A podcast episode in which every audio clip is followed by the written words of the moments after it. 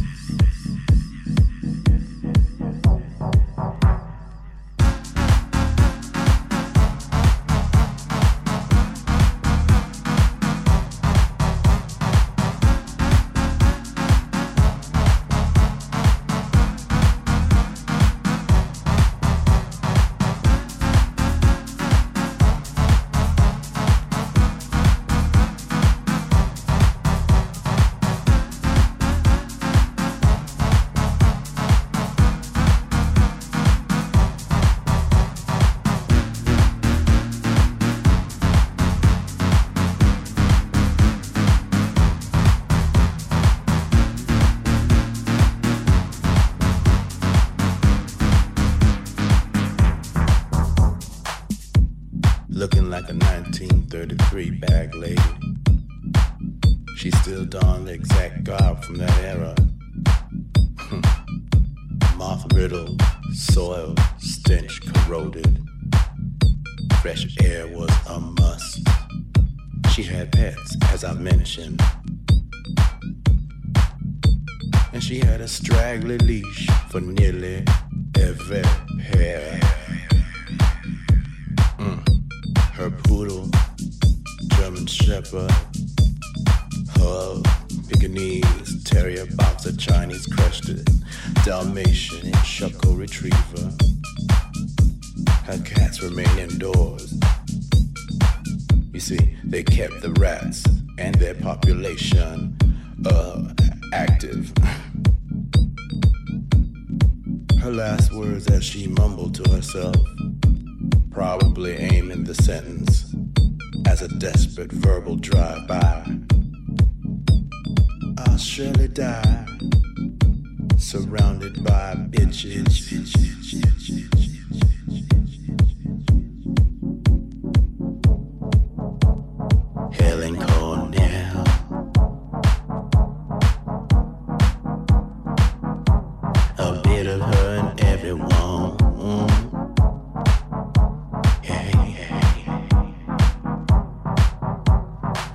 Helen